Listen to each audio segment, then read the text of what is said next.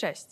Zapraszam Cię do wysłuchania cyklu podcastów Movember, czyli Co się kryje pod wąsem. Poświęcony on jest tematyce nowotworów prostaty i jąder. Ta audycja to inicjatywa członków Polskiego Towarzystwa Studentów Farmacji Oddział Białystok. Ja nazywam się Martyna Laszkiewicz i mam przyjemność poprowadzić te rozmowy. Przed nami druga część cyklu podcastów. Poruszymy w niej temat diety i suplementacji jako narzędzia walki z nowotworem. Mam zaszczyt dzisiaj gościć panią doktor habilitowaną nauk farmaceutycznych Katarzynę Sochę, prodziekan Wydziału Farmaceutycznego Uniwersytetu Medycznego w Białymstoku. Pani profesor, dzień dobry. Dzień dobry, witam serdecznie. Dziękuję serdecznie za przyjęcie naszego zaproszenia. Bardzo mi miło, dziękuję. Pani profesor, nawiązując do tytułu naszego dzisiejszego spotkania, dlaczego sposób żywienia jest uważany za tak istotne narzędzie profilaktyki oraz leczenia nowotworów? No to właśnie w myśl tego, że lepiej zapobiegać niż leczyć, tak? Także zdecydowanie i istotny element profilaktyki, ale też wiele substancji, które występują w środkach spożywczych, wykazują działanie przeciwnowotworowe, mniej lub bardziej udowodnione, tak? Bo żeby potwierdzić tak no, w 100% przeciwnowotworowe działanie jakiegoś składnika, wiadomo, że to wymaga szeregu badań, tak? I to jest na początku badania na hodowlach komórkowych i one często wychodzą bardzo pozytywnie, tak? potem badania na zwierzętach doświadczalnych, a kolejno badania kliniczne na ludziach. No i tutaj już jest różnie. Tak? To nie jest e, zawsze powiedziane, że wszystkie składniki, gdzie na hodowlach komórkowych nawet był ten pozytywny efekt przeciwnowotworowy wykazany, że to później w populacji ludzkiej już e, daje takie dobre efekty. Tak? Ale generalnie właśnie dlaczego? Według Światowej Organizacji Zdrowia około 40% y, właśnie czynniki decydują, mogą decydować o rozwoju nowotworów. Tak? I, to, I te czynniki takie stricte związane z dietą to jest około 35%. W tym jeszcze możemy doliczyć 4% spożywania alkoholu wysokoprocentowego, y, które też jest zaliczane do środków spożywczych, czyli też możemy tutaj zaliczyć to do diety. Y, około 1% stanowi nadmierne y, spożywanie dodatków do żywności. Dodatki do żywności generalnie są bezpieczne, tak? ale jeżeli spożywamy dużo żywności wysoko przetworzonej, no to y, tutaj niektóre z nich też są podejrzewane o działanie rakotwórcze na przykład, prawda? Więc no i generalnie styl życia, tak? To nie tylko dieta, ale właśnie niska aktywność fizyczna, palenie papierosów, nadmierna ekspozycja na promieniowanie ultrafioletowe, prawda? To łącznie daje około 40%, czyli dużo więcej niż leki, dużo więcej niż predyspozycje genetyczne. Dlatego jest to właśnie tak ważne. Jak powinna wyglądać dieta osoby skupiającej się na profilaktyce przeciwnowotworowej? Czy przestrzeganie zasad drabiny żywieniowej skutecznie obniża ryzyko wystąpienia nowotworów? Czy jednak powinniśmy wzbogacać naszą dietę w inne dodatkowe składniki? Jeżeli chodzi o profilaktykę y, nowotworów, to taka dieta zalecana przez Instytut Żywności i Żywienia, czyli zgodnie z drabiną czy piramidą y, zdrowego żywienia i aktywności fizycznej, bo ona właśnie tak się nazywa w pełni, żeby jeszcze uwzględnić tą aktywność fizyczną, która też w profilaktyce nowotworów jest bardzo ważna, odpowiednia właśnie y, dawka tej aktywności fizycznej.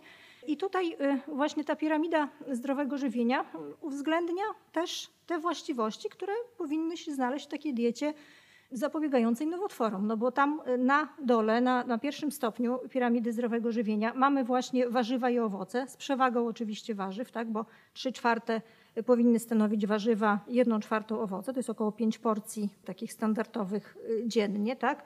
Drugi poziom piramidy zdrowego żywienia to, jest, to są produkty zbożowe, tak? I to tutaj trzeba pamiętać, że to nie tylko oczywiście chleb, nie, nie bułeczki, ale różne produkty właśnie będą wskazane w diecie przeciwnowotworowej. Pełnoziarniste, pełnoziarniste pieczywo z mąki z pełnego przemiału, kasze y, różne właśnie, które mają wysokie znaczenie y, dietetyczne, między innymi będą źródłem błonnika pokarmowego, źródłem składników mineralnych, które są tak ważne y, w diecie przeciwnowotworowej.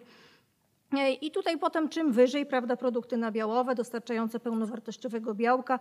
Zobaczmy, że dopiero na samym czubku piramidy zdrowego żywienia mamy mięso, które powinnyśmy też w diecie przeciwnowotworowej ograniczać. Także y, nasze taka y, zalecenia y, naszej diety, naszej piramidy zdrowego żywienia w profilaktyce nowotworów jak najbardziej, chociaż spośród różnych diet stosowanych na świecie, to y, jeszcze bardziej jako profilaktyka nowotworów, nie jest to do końca udowodnione, jeżeli chodzi o leczenie nowotworów, tak? no bo co innego leczenie, co innego profilaktyka, wiadomo, ale dieta śródziemnomorska, zdecydowanie. Model diety śródziemnomorskiej, piramida zdrowego żywienia diety śródziemnomorskiej, bo też ona jest opracowana i trochę różni się od naszej. Tam podstawą po prostu y, oprócz y, warzyw i owoców, czyli tak jak u nas, produktów zbożowych, ale wysokie spożycie ryb na przykład mamy. Tak? U nas też są zalecane, ale tak dwa, trzy razy w tygodniu, przynajmniej raz w tygodniu powinniśmy posiłek z ryby spożyć. Tam głównie prawda, się y, jednak dieta śródziemnomorska opiera na rybach, a właściwości przeciwnowotworowe ryb zostały potwierdzone. No jeszcze wszystko zależy jakich, tak? bo ryby też wiadomo mogą mieć zanieczyszczenia, tak? ale generalnie Ryby zawierają unikalne wielonienasycone kwasy tłuszczowe z rodziny N3. No i tutaj mechanizm jest taki, że one jakby zmniejszają syntezę eikozanoidów pochodzących z kwasów N6, tak? a ważna jest właśnie proporcja w tych wielonienasyconych kwasach tłuszczowych N6 a N3. No i przez to właśnie wywołują takie działanie przeciwzapalne, a wiemy, że długotrwały proces y, zapalny toczący się w organizmie to jest y, często inicjacja procesu nowotworowego, prawda? Więc taki model diety śródziemnomorskiej też właśnie opiera się na warzywach, owocach i teraz y, no, te warzywa i owoce przyjrzyjmy się właśnie witaminy, tak? w tym witaminy antyoksydacyjne, które są bardzo ważne, no bo zapobiegają y, stresowi oksydacyjnemu, yy, wolnym rodnikom tlenowym, prawda? I tutaj właśnie ta dieta bogata w antyoksydanty y, w momencie, kiedy już jest choroba nowotworowa, trzeba pamiętać, tak? O tych witaminach ale inne też składniki warzyw, tak? Polifenole, y, fitoestrogeny, lignany, beta-glukany, no i błonnik pokarmowy, tak? I tutaj, jeżeli chodzi o błonnik pokarmowy, czyli o te węglowodany nieprzyswajalne, no definicja błonnika pokarmowego jest taka, że to jest zespół ścian komórkowych roślin, prawda, nietrawionych, niewchłanianych, znaczy częściowo hydrolizowanych w przewodzie pokarmowym człowieka. No i tutaj, jeżeli chodzi właśnie o poszczególne frakcje błonnika pokarmowego, no to najbardziej udowodniono związek pomiędzy odpowiednim spożyciem błonnika pokarmowego a nowotworem jelita grubego. Tak? I w ogóle z nawykami żywieniowymi najbardziej y, właśnie ten rak jelita grubego wiąże się. Tak? Jeżeli są nieprawidłowe nawyki żywieniowe, no to właśnie predysponuje to do rozwoju raka jelita grubego. Co nie znaczy, że inne nowotwory nie są związane z prawidłowym żywieniem. A nawiązując do tych antyoksydantów zawartych w warzywach i owocach, Niestety w dzisiejszych czasach coraz trudniej jest znaleźć produkty, które są wolne od stosowanych w rolnictwie herbicydów i pestycydów. Czy ich dodatek nie jest więc taką przesłanką do ograniczenia ich spożycia, czy jednak te korzyści, które płyną z ich spożywania, znacząco po prostu przewyższają te mhm. minusy? Mhm. Rzeczywiście są obawy, no bo zdarzają się oczywiście zanieczyszczenia tak, żywności, więc y, no też i zanieczyszczenia y, warzyw i tak jak Instytut Ochrony Roślin badał pozostałości pestycydów, to jest grupa około kilkuset związków, często nawet już niestosowanych obecnie w rolnictwie, ale cały czas gdzieś w środowisku jako pozostałości no niestety krążą, tak? Ale no, trzeba też wziąć pod uwagę, że nasza żywność no ma być bezpieczna. Ustawa o bezpieczeństwie żywności i żywienia to nam gwarantuje, tak? Jest y, kontrolowana przez Państwową Inspekcję Sanitarną. No jeżeli chcemy już mieć taką stuprocentową pewność, że nie ma przekroczeń zanieczyszczeń, tak? nie tylko chodzi oczywiście o pestycydy, tak? ale o pierwiastki toksyczne chociażby, które też no, mają pronowotworowe działanie, y, no to możemy wybierać wtedy żywność ekologiczną, tak? wtedy jeżeli jest już z certyfikatem gospodarstwa ekologicznego, warzywa tak? z takich upraw, no to już wiadomo, że one są przebadane, bardzo rygorystyczne tam są wtedy normy, chociaż my jak w zakładzie bromatologii badaliśmy różne warzywa na zawartość zanieczyszczeń, na zawartość azotanów chociażby, czy właśnie pierwiastków toksycznych, to rzadko się zdarzają przekroczenia, nawet tych warzyw kupowanych tak dostępnych ogólnie, czyli y, gdzieś tam w supermarketach czy y, na straganach. Porównywaliśmy na przykład ze studentami dietetyki zawartość azotanów kupowanych w warzywach ze sklepów ekologicznych i z jakichś y, marketów sieciowych, prawda? Nie różni się to mocno. Wiadomo, że jedne i drugie, znaczy czasami y, niższa jest zawartość tych y, ekologicznych, ale nie zawsze, tak? I generalnie większość warzyw spełnia normę. No i jakby to, co pani powiedziała, że jednak zawartość tych korzystnych witamin, tych innych związków, o których powiedzieliśmy, błonnika pokarmowego, no zdecydowanie przewyższa te korzystne właściwości nad tymi zanieczyszczeniami. Z innych źródeł jakby nie dostarczymy, prawda, tych korzystnych składników. Ważnym elementem oddziaływania żywności na organizm e, jest pewnością sposób też jego przygotowywania. Czy obróbka termiczna mięsa, mam tutaj na myśli smażenie, przyczynia się do zwiększenia ryzyka wystąpienia nowotworów i w jaki sposób? Sposób obróbki kulinarnej rzeczywiście ma znaczenie, sposób obróbki termicznej. Tak? Część produktów my możemy oczywiście spożywać w postaci surowej, no ale to mięso raczej nie, tak? no chyba że w postaci tatara, co nie jest z kolei wskazane w ogóle nadmiar czerwonego mięsa w przypadku nowotworów nie jest skazany, y, bo y, właśnie ta y, podwyższona ilość żelaza chemowego, są takie badania, które mówią, że dochodzi wtedy do efektów prooksydacyjnych, do inicjacji kaskady wolnych rodników i do wzmagania procesu nowotworowego. Czyli generalnie czerwone mięso jest przez Międzynarodową Agencję Badania Raka w takiej grupie czynników prawdopodobnie rakotwórczych, a mięso przetworzone typu właśnie grillowane, pieczone, smażone, znaczy szczególnie grillowane, tak? tam gdzie, mamy, gdzie jeszcze wytwarzają nam się podczas grillowania e, wielopierścieniowe węglowodory aromatyczne, nitrozoaminy toksyczne i one już są jakby o potwierdzonym działaniu rakotwórczym, prawda? Więc tutaj należy ograniczać pieczenie również, dlatego że mm, również te związki, o których powiedziałam, ale część i akryloamidu powstaje, tak samo nie tylko mięsa, ale w ogóle podczas pieczenia yy, też i produktów węglowodanowych yy, powstaje właśnie taki toksyczny związek akryloamid, który też jest podejrzewany o działanie rakotwórcze, czyli zdecydowanie tutaj yy, zaleca się bardziej gotowanie, takie tradycyjne po prostu gotowanie, tak? albo gotowanie na parze. Rozumiem. E, chciałabym już tutaj teraz przejść do diety jako elementu prewencji raka prostaty i jąder. E, przeszukując informacje e, w internecie, zauważyłam, że króluje tam kilka związków, a mianowicie likopen, polifenole, w tym resveratrol oraz izoflawony. Powiedzmy sobie więcej o ich działaniu. Co czyni je takimi wyjątkowymi i skutecznymi w kontekście właśnie tych nowotworów? Jeżeli chodzi o likopen, to zarówno badania na hodowlach komórkowych, jak i in vivo na zwierzętach, jak i również przeprowadzano badania kliniczne i tutaj okazuje się, że w raku, w raku prostaty jest y, korzystnym y, związkiem. On należy do grupy karotenoidów rozpuszczalnych w tłuszczach. Ma bardzo wysoką aktywność antyoksydacyjną, jest około, około 2,5 raza mm, ta aktywność antyoksydacyjna wyższa od beta-karotenu, który też wiadomo, że jest dobrym antyoksydantem.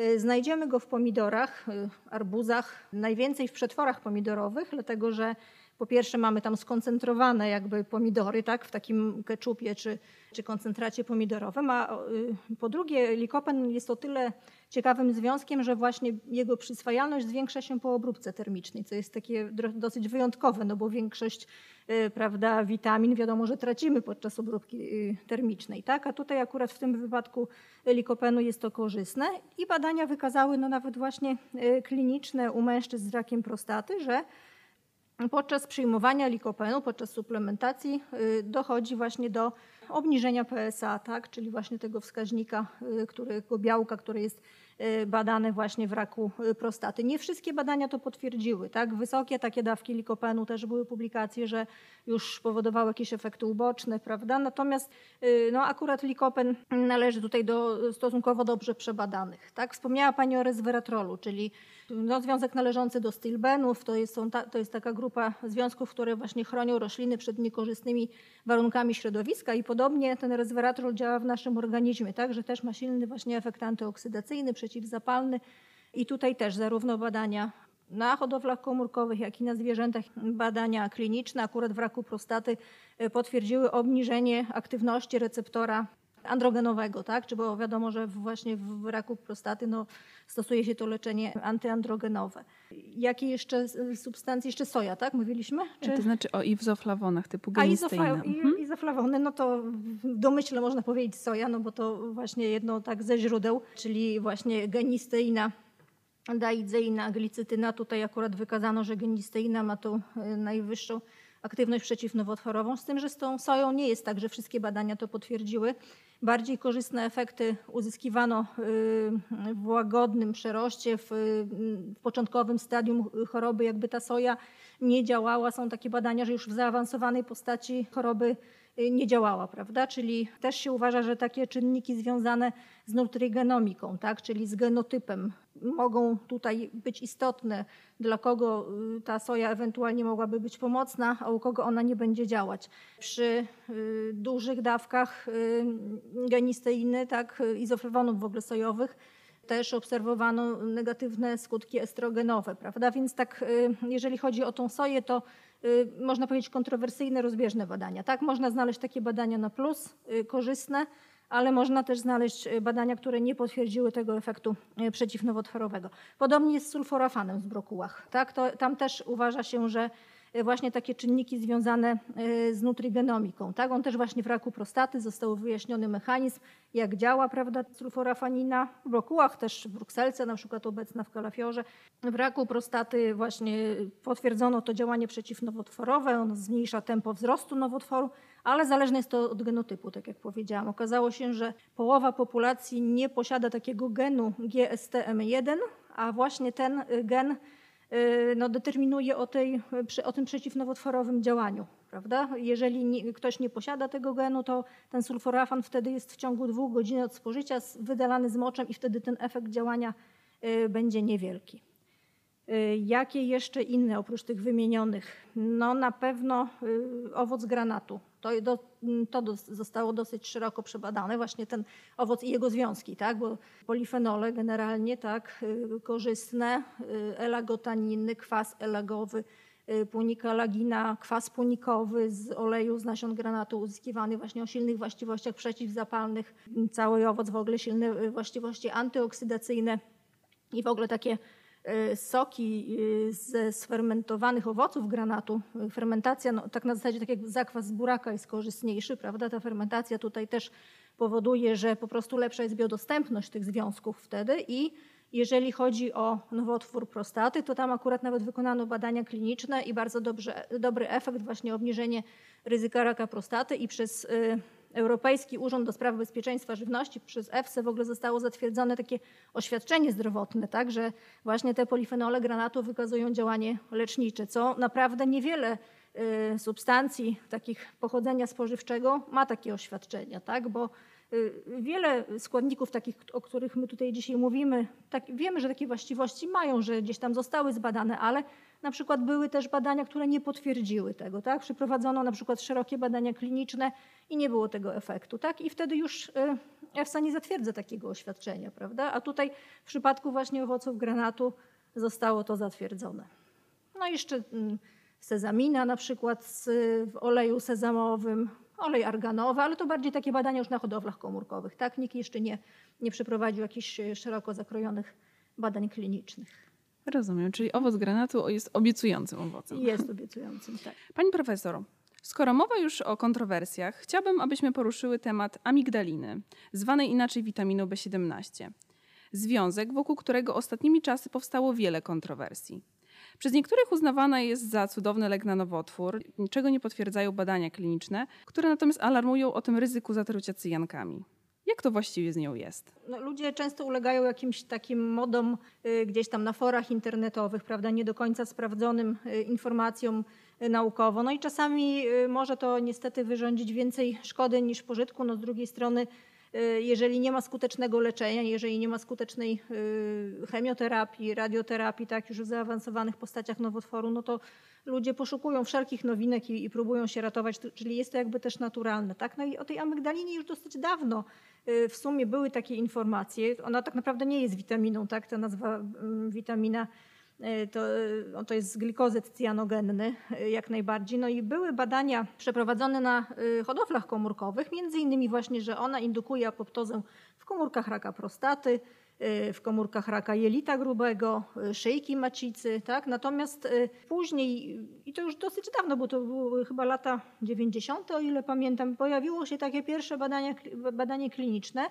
na większej grupie pacjentów, gdzie właśnie stosowano tą, tą amygdalinę i nie wykazano tego efektu, prawda? Czyli nie ma to potwierdzonego y, takiego działania naukowego y, w badaniach y, klinicznych. No i te, teraz tutaj właśnie te cyjanki, no to jest też mechanizm działania przeciwnowotworowego, tak? Że one właśnie mają niszczyć te komórki rakowe. No i była taka teoria, że z kolei w komórkach zdrowych my mamy taki enzym, rodanazę, która jakby zapobiega też przed tym toksycznym zatruciem cyjankami. Tak? Natomiast wszystko od ilości zależy. Myśmy też w zakładzie y, oznaczali skład y, na przykład pestek moreli, bo ludzie na przykład sproszkowane pestki moreli tak, spożywają, żeby sobie właśnie przyswoić tą amygdalinę. Y, okazuje się, że ona, żeby miała działać, to do ust musiała być przyjęta w wysokich dawkach. Tak? I tak jak myśmy oznaczali skład takich polskich pestek moreli, okazało się, że Y, już powyżej 8 pestek dziennie y, spożycie mogłoby wywołać efekty toksyczne y, tymi cjankami. Tak? Natomiast jeszcze ludzie gdzieś tam sprowadzają bodajże z Turcji, z Włoch te pestki i one jeszcze mają wyższą zawartość amygdaliny. Czyli tutaj no, na, naprawdę nie należy ulegać tym modom. A oprócz samej diety, co warto jeszcze dodatkowo suplementować w kontekście profilaktyki nowotworu prostaty oraz jąder? Jeżeli chodzi o suplementację, to tutaj czasami należy ostrożnie, tak? bo niektóre suplementy diety mogą wchodzić w interakcję po pierwsze z leczeniem, tak? z chemioterapeutykami. Nie wszystkie mogą być stosowane też podczas radioterapii na przykład. Y, są też prace takie negatywne, na przykład o y, suplementacji wysokiej, y, wysokie dawki antyoksydantów, kiedy stosowano, mimo że normalnie jest prawda, ten synergizm znany przeciwnowotworowego działania, przykład witaminy A, witaminy E, witaminy C, ale w momencie, kiedy będzie to y, przyjmowane w nadmiernych dawkach, na przykład i to szczególnie upalaczy, była taka praca, no to wtedy było wzmaganie tych efektów prooksydacyjnych, tak? I, i może dojść do inicjacji procesu zapalnego i wręcz y, właśnie właściwości pronowotworowych. Tutaj, jeżeli chodzi o suplementację, warto powiedzieć o witaminie D. Odkąd obecność receptora witaminy D odkryto w takich nieklasycznych miejscach w organizmie. Mówi się o tym pleiotropowym działaniu witaminy D i niedobór tej y, witaminy stwierdzono w wielu różnych rodzajów nowotworów. Okazuje się, że tam około chyba 17 typów nowotworów może być związanych z niedoborem witaminy D. Natomiast w przypadku raka prostaty są badania, które mówią, żeby też ostrożnie. Dlaczego? Y, to chodzi o spożycie wapnia, bezpośrednio nie, nie o witaminę D, ale o wapń. Pojawiła się praca na, wykonana na dużej dosyć grupie mężczyzn, bo prawie tysiąc mężczyzn przebadano właśnie z nowotworem prostaty. I tam y, właśnie w leczeniu raka prostaty stosuje się tą terapię antyandrogenową. Tak? I przy terapii antyandrogenowej dochodzi do utraty gęstości mineralnej kości. I teraz y, no to próbowano podawać oczywiście wapń i witaminę D. No i teraz jeżeli podawano ten wapń w dawce takiej zgodnej z zapotrzebowaniem, tak? czyli tam 1000 mg wapnia, 400 jednostek międzynarodowej witaminy D, nie poprawiało to gęstości mineralnej kości. Tak? Dopiero jakby y, trzeba by było zastosować wyższe dawki, tak? ale z kolei, że właśnie jest to ryzyko, że zwiększona ilość wapnia może niestety powodować wzrost y, ryzyka raka prostaty, to tutaj y, badacze uważają, że jest to jednak ryzykowne, tak? taka właśnie wysoka suplementacja tą witaminą D. Także Y, nie zawsze, tak? nie, nie, wszystkie y, suplementy, no na pewno to wymaga badań, zawsze oczywiście w porozumieniu z lekarzem, wiele z nich właśnie może wchodzić y, w interakcję. To samo z ziołami, tak? ziołowe suplementy diety. Część ziół no ma, też są badania o przeciwnowotworowym działaniu, ale one są metabolizowane przez ten sam cytochrom 450 co chemioterapeutyki. Tak? I to też może wtedy nam zmieniać efekt działania, może nam zmieniać dawkę potrzebną do y, leczenia, prawda? albo y, zwiększać efekt, prawda? albo zmniejszać ten efekt, czyli też na własną rękę y, nie zawsze tak, jest to korzystne. Nie powinniśmy tego robić mhm, i zalecać. E, powiedziałyśmy już o diecie jako elemencie profilaktyki przeciwnowotworowej. Powiedzmy jeszcze parę słów o diecie w samej chorobie nowotworowej. Rozważając ten temat od podszewki, czym się różnią potrzeby żywieniowe osoby chorej na raka od potrzeb osoby zdrowej? Jeżeli już y, osoba choruje na nowotwór, czasami tą dietę trzeba zmienić i to bardzo często y, w sumie, tak, bo y, dochodzi jednak w trakcie toczącego się procesu nowotworowego do wyniszczenia organizmu. Tak? I Y, wtedy y, no, są opracowane takie w ogóle standardy żywienia pacjenta nowotworowego i y, te proporcje wtedy się trochę różnią. Tak? Się zwiększa ilość białka, bo wiadomo, żeby do regeneracji na przykład beztłuszczowej masy mięśniowej, tak jak jeżeli, jeżeli pacjent jest wyniszczony właśnie po chorobie nowotworowej, niedożywiony, się zwiększa. Też jeżeli można, z wyjątkiem niektórych nowotworów przewodu pokarmowego, nowotworu trzustki na przykład, ale przy innych też zwiększa się ilość tłuszczów w diecie, prawda? A y, obniża się trochę ilość węglowodanów.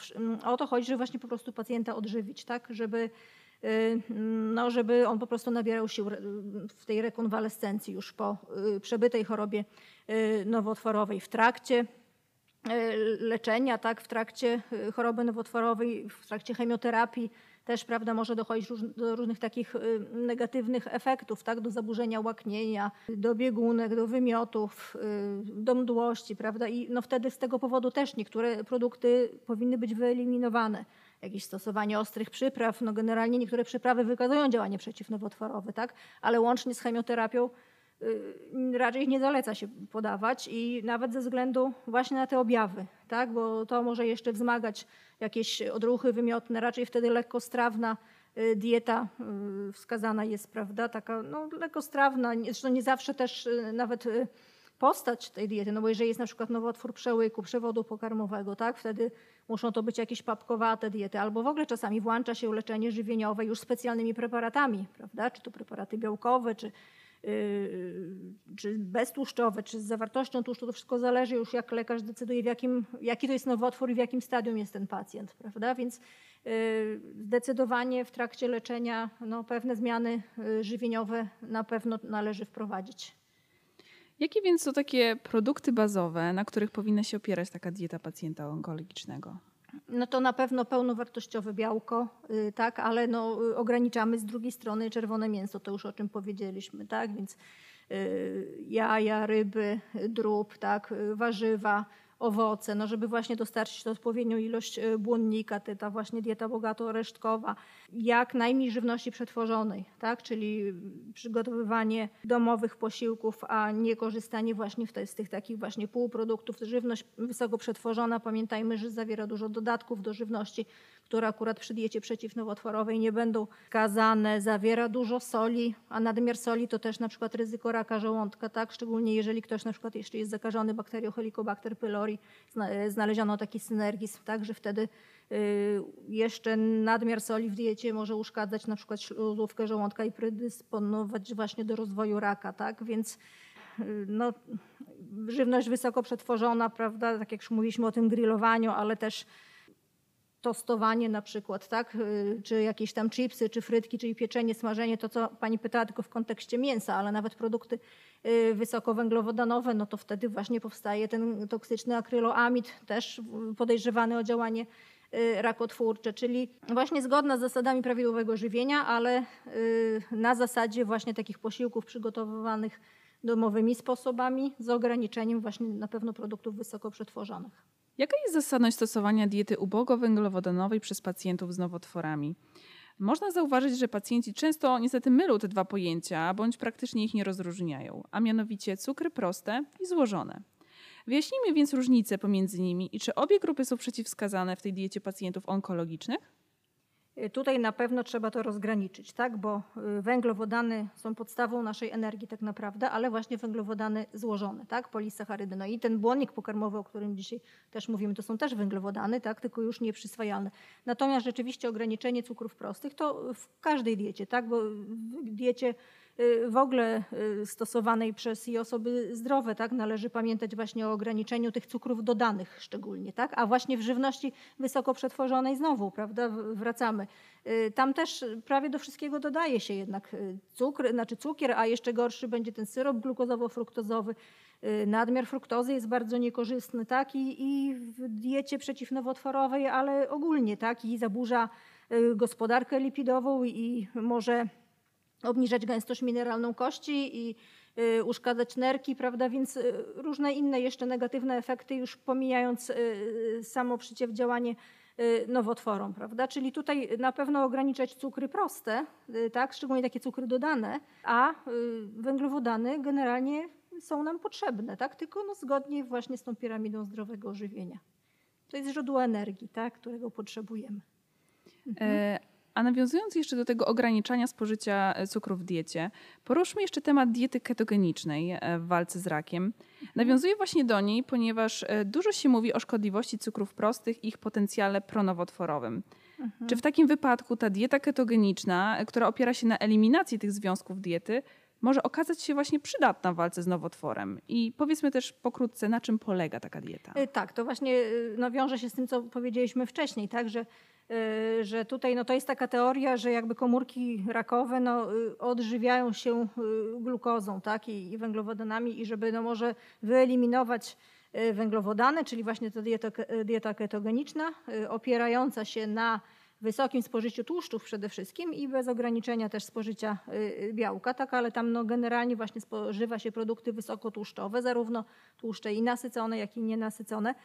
Y, no i teraz pojawiło się parę takich pojedynczych publikacji, ale to były raczej takie case study, czyli na pojedynczych pacjentach, prawda? To między innymi y, u pacjentów z glejakiem mózgu, że y, no, jakby było spowolnienie, prawda, wzrostu guza i, i były te korzystne efekty, ale należy pamiętać, ona nie jest, nie ma potwierdzonego działania y, klinicznego, nie, nie powinna być zalecana na pewno na dłuższą metę, tak? Można krótko, to tak samo jak krótkotrwale ludzie robią sobie jakieś tam głodówki oczyszczające, prawda, albo stosują jakieś, no nie wiem, tylko diety owocowo-warzywne, prawda, ale to no, na dłuższą metę, jeżeli my stosujemy y, takie właśnie w jednym kierunku idące diety, no to narażamy też organizm na niedobory innych składników y, odżywczych, tak, i tutaj nadmiar tych mm, ciał ketonowych w organizmie, no to również ryzyko właśnie dny moczanowej, ryzyko tutaj negatywnego wpływu na gospodarkę lipidową, na, na gęstość mineralną kości w wyniku niedoborów, więc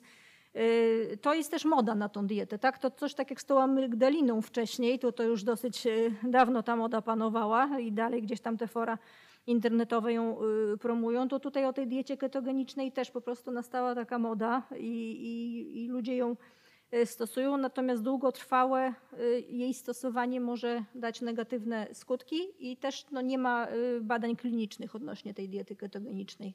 To by trzeba było wykonać szereg badań, prawda, przejść przez poszczególne fazy badań klinicznych, ale no, jeżeli chodzi właśnie o te negatywne efekty, no to może być niebezpieczne, tak? Na długotrwałe stosowanie. Dobrze pani profesor, także dziękuję ślicznie za tą interesującą rozmowę. Dziękuję bardzo.